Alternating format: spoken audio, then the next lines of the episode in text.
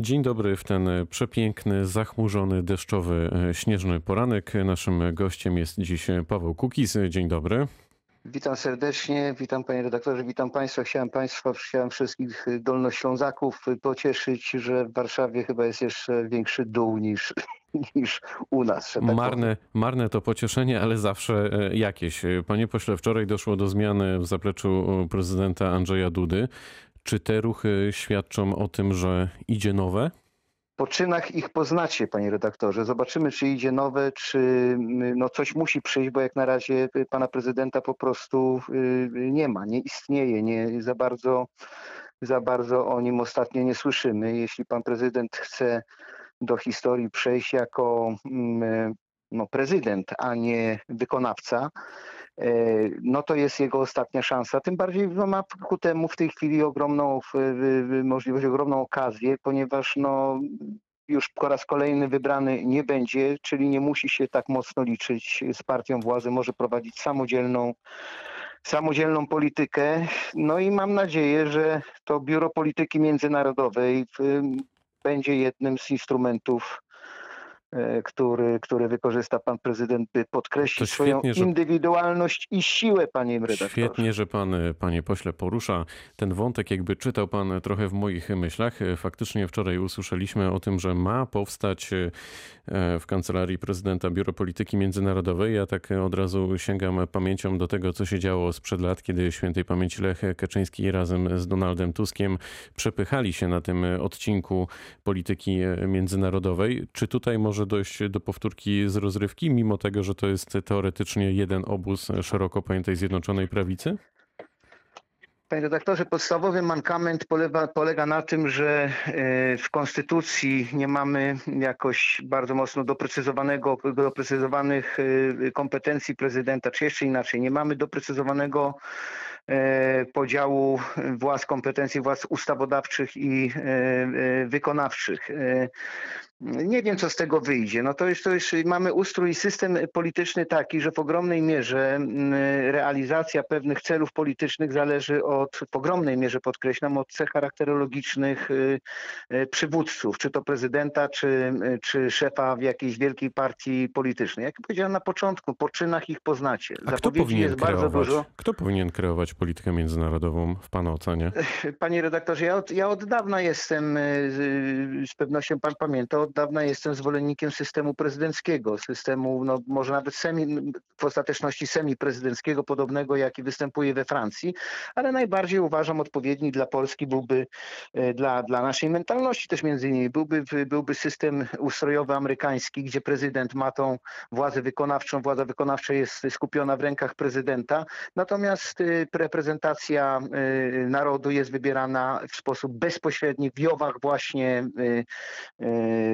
no i tyle, tak największy, w największym skrócie. Sędziowie pokoju wybierani przez ludzi, większa, większy, większy udział obywateli we władzy, natomiast ściśle doprecyzowane i konkretne uprawnienia prezydenta. U nas natomiast jest to nie, Bóg wie jak ten system nazwać. Ani nie jest, nazywa się go parlamentarno-gabinetowym, a tak naprawdę jest to system chaosu, który, który polega na tym, że raz na cztery lata odbywa się wyścig szczurów do Sejmu. Partia, która wygrywa, otrzymuje identyczne uprawnienia, jakie kiedyś miało PZPR, czyli na cztery lata zawłaszcza państwo władzę ustawodawczą, wykonawczą i sądowniczą. No I wszystko tutaj... zależy tak naprawdę od szefa partii, a nie od prezydenta czy, e, czy, czy premiera. Wszystko zależy od szefa partii. Tutaj, tutaj pan władzy. nie zmienił poglądów, nic się nie zmienia nie. konsekwentnie. Czy pan, panie pośle, dostał telefon w sprawie możliwości zaszczepienia się poza kolejką? No nie dostałem takiego telefonu. A przecież niech panie redaktorze, niech pan zauważy, jestem i celebrytą, proszę pana, i politykiem, no czyli wash and go. Wash and go, dwa w jednym. Oczywiście żartuję sobie Trochę jestem zaskoczony. Siebie. Natomiast, y, natomiast wie pan, ja się poważnie zastanowił, od kogo jest ten, jak mi pan wierzy, od kogo jest ten telefon i, i, i na czyje polecenie wykonany, bo z tego co wiem, y, właściwie to była oczywiście zapowiadana ta kampania promocyjna, ale z tego co wiem, twarzami miał być, na pewno twarzą miał być y, Cezary Pazura i jeszcze chyba dwójka aktorów. Yy, więc zastanowiłbym się, od kogo ten telefon i, i, i tyle, ale Wie pan, dlaczego o to pytam? Dlatego, że prezes Agencji Rezerw Materiałowych wczoraj późnym popołudniem powiedział, że liczba szczepionek, jakie mamy w tej chwili do dyspozycji, jest niezadowalająca. Tymczasem, jak dochodzi do takich incydentów, jak ten z pominięciem kolejki przez osoby znane, to się zastanawiam, czy to wszystko zachęca Polaków do szczepień, czy wręcz przeciwnie. Jak pan to ocenia? Paradoksalnie może w jakiś sposób zachęcić, no. Ale wie pan, no, tego, typu, tego typu zachęta to, to troszeczkę jest sprzeczna z etyką. No. Zresztą znowu mamy do czynienia z podziałem na równych i równiejszych celebryci, którym się wszystko należy. I to najczęstsze też te tłumaczenia z kolei, że to miała być akcja promocyjna, a jednocześnie nie ujawniają nazwisk Borodo, albo tłumaczenia tego typu, że gdyby nie wzięli ich artyści, to te szczepionki by się zmarnowały. No to do jasnej cholery trzeba było te szczepionki dać na przykład policjantom, służbom mundurowym, jeżeli na przykład lekarze y, y, byliby już całkowicie zaspokojeni w tej materii. Są do tego, są kolejne grupy, czyli nauczyciele, no te wszystkie grupy, które są y, najbardziej narażone na zakażenie koronawirusem. Ja nawet nie, pomyślałem, że można by było zaszczepić, skoro w Warszawie, to można było zaszczepić powstańców warszawskich. No na przykład, no wie pan, no, ale przede wszystkim mówię o tych ludziach, którzy, którzy no, czynnie działają w tej chwili, mają kontakt z dużymi grupami. Stąd wymieniłem na przykład nauczycieli, gdzie, e, gdzie to, no bo myśli ta możliwość pan zarażenia jest... żonie. Nie, proszę pana, nie tylko dlatego. Dlatego, że po prostu znam ten, y, że dzięki żonie wiem, jak ciężki jest ten zawód i jak wielkie zagrożenie, y, zagrożenie jest właśnie w Dobrze, to kończąc, y, rozniesieniem zarazy. Kończąc ten wątek, czy gdyby rząd zaproponował panu promowanie akcji szczepień, to by się pan zaangażował w taki projekt? Na przykład, no nie wiem, na przykład hasłem szczepmy się polecam Pawłem Kukis, Paweł Kukis albo jakimś innym, bo teraz na szybko Panie redaktorze, ja po pierwsze, gdybym, gdybym miał w takiej akcji wziąć udział, to po pierwsze nie zabierałbym szczepionki w, lekarzom, służbom, nauczycielom, emerytom. E, tylko taką szczepionkę przyjąłbym po zaszczepieniu, e, po zaszczepieniu, wyszczepieniu tej, e, tej grupy. A po drugie, formuła byłaby bardzo prosta. Po prostu ja od, nie, ja od niemowlęcia byłem szczepiony. Przy ojciec świętej pamięci był lekarzem. Później w, w, w późniejszym czasie też poddawałem się szczepieniom, a już ekstremalne, że tak powiem, swoje możliwości wykazałem w poprzedniej kadencji, kiedy byłem w Komisji Służb Specjalnych i ze względu na różnego rodzaju wyjazdy, e, no tych szczepień się co najmniej kilkanaście, o ile nie, nie powyżej dwudziestu.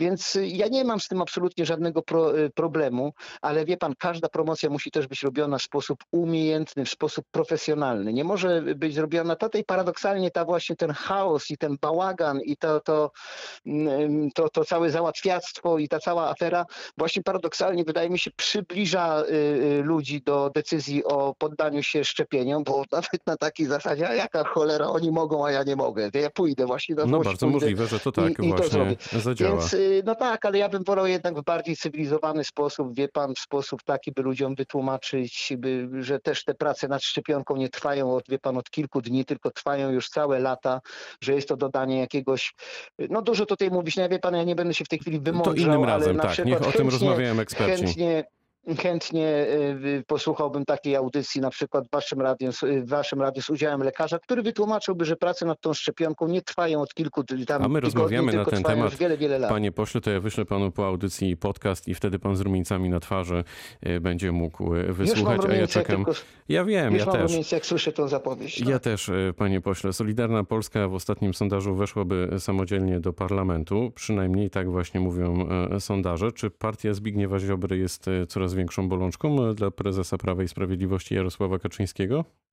Pana, dla mnie jest przede wszystkim bolączką z tego względu, że reforma sądownictwa przeprowadzana przez partię, w praktyce partię pana y, Ziobry od pięciu lat niczego szczególnego w, w, dla polskiego sądownictwa nie wniosła, pozytywnego.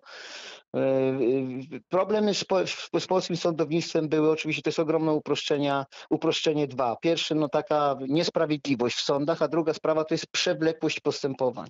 Przewlekłość postępowań nie należało od tego zacząć. 70% spraw na wokandzie, a mamy ich powyżej 3 milionów w tej chwili, e, to, mm, to, są, to są sprawy no, błahe z punktu widzenia interesów wspólnoty, jak i sprawy no, z, z pogranicza wykroczeń i, i lekkich y, y, przestępstw. I takie sprawy powinien rozstrzygać sędzia pokoju. Od tego trzeba było zacząć. Od powołania instytucji sędziego pokoju do rozstrzygania najprostszych sporów pomiędzy obywatelami, sędziego wybieranego przez obywateli i wtedy mamy y, spełnioną zasadę konstytucyjną y, obywatelskiej kontroli nad, również nad wymiarem sprawiedliwości. No ale zaczęto od, od wycinania kast, od spraw personalnych tak naprawdę, a, zako- a idzie się w kierunku upartyjniania z kolei sądownictwa, co jest absolutnie niedopuszczalne, by sądy były pod kontrolą partii politycznej. Nie chodzi tylko na, już kończę, nie chodzi na to, to że teraz będą pod, pod, pod kontrolą PiSu, ale o to, że w przyszłości będą pod inną kontrolą innej partii. Sądy mają być pod kontrolą obywateli. Wejdę w słowo, panie pośle. Dobrze, to niech to będzie e, mocny wyraz, mocny akcent e, tego. E, A ja pytam o Solidarną Polskę, dlatego że w ostatnich dniach coraz częściej gdzieś tam w mediach pojawia się informacja o tym, że być może nawiąże pan współpracę z Prawem i Sprawiedliwością i może dlatego posłowie Prawa i Sprawiedliwości puszczają do pana oko, no bo jest pan alternatywą dla, dla Ziobry. Proszę pana, jak puszczą ustawę o sędziach pokoju, jak puszczą ustawę o y, y, antykorupcyjną, czy, y, czy Prawo i Sprawiedliwość wyjdzie z, z propozycją zmiany ordynacji wyborczej, to wówczas można mówić tutaj o jakichś puszczaniach y, oka, czy, czy, czy tego typu sprawach.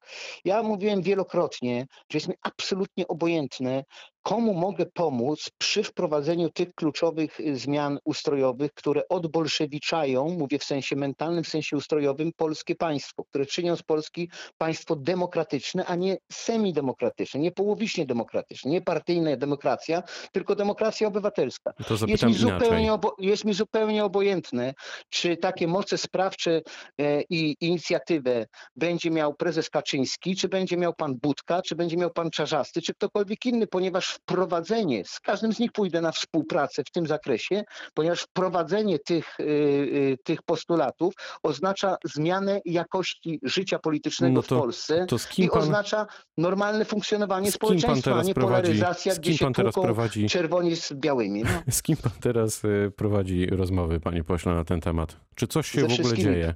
Ze wszystkimi prowadzę rozmowy w, w, w tej kwestii. No na razie to najmniej zainteresowanym zainteresowanym y, te, tymi rozmowami jest pan Budka y, na temat. Ja mu wysyłałem SMS-y z pytaniem o jego stosunek do referendów, czy mają w, w planie, w, w swoim nowym y, programie, tym ideowym wpisać, powrócić do postulatów jeszcze z czasów y, świetności Platformy, czyli, czyli właśnie do jednomandatowych okręgów wyborczych, do większego udziału obywateli we władzy, do inicjatywy obywatelskiej, do, do tego typu spraw. No, ale nie Ale rozumiem, że, odpowiedzi. że, że skoro prowadzi pan Natomiast co rozmowy, ciekawe, to coś panie się dzieje. tylko kończę ten wątek. Natomiast co ciekawe, duże zainteresowanie sprawami referendalnymi i na przykład y, wybieraniem Rzecznika Praw Obywatelskich w drodze bezpośrednich wyborów, bezpośrednio przez obywateli, tak jak prezydenta wybieramy, y, jest y, Włodzimierz Czarzasty, co mnie bardzo cieszy. I tak No jak nie, no mówię, nie Paweł ważne. Kukiz z Lewicą pójdzie? Jeżeli lewica y, miałaby moce sprawcze, chciała zmienić ordynację wyborczą, wprowadzić obligatoryjne referenda, instytucję sędziów pokoju, ustawę antykorupcyjną, ustawę antysitwową, ustawę kompetencyjną, to z przyjemnością, proszę pana. To nie ma znaczenia. Światopogląd przy tych postulatach nie ma znaczenia. Wprowadzenie tych postulatów żałuję, marginalizuje, marginalizuje światopoglądy, a promuje pragmatyzm, rozsądek, przyzwoitość i fachowość. I tyle. A kto je wprowadzi? Panie redaktorze, w wielkim skrócie. Jeżeli na przykład Panie pośle, to Mieszka ma pan- pan 5 już sekund kończę. dosłownie. 5 sekund. Załóżmy, mieszka pan w bloku i nienawidzi pan sąsiada, sąsiad nienawidzi pana, ale ktoś wam zastawił wejście kamieniem do klatki schodowej i musicie to, sami z osobna nie dacie rady, musicie wspólnie ten kamień przesunąć. Czy pan się zastanawiał y, nad światopoglądem sąsiada, czy zaciska pan zęby i przesuwa pan kamień, żeby wejść Nie, do no domu? ja wtedy, dzwonię, ja wtedy dzwonię do Pawła Kukiza. Paweł Kukiz był gościem rozmowy Dnia Radio Wrocław. Bardzo dziękuję za Bardzo spotkanie. dziękuję. Przepraszam, że skończyliśmy na budowlance, ale Jest wszystkiego okej, dobrego. jest okej. Wszystkiego Zdrowia. dobrego. Pytał Dariusz dobrego. Wieczorkowski. Dobrego Do dnia.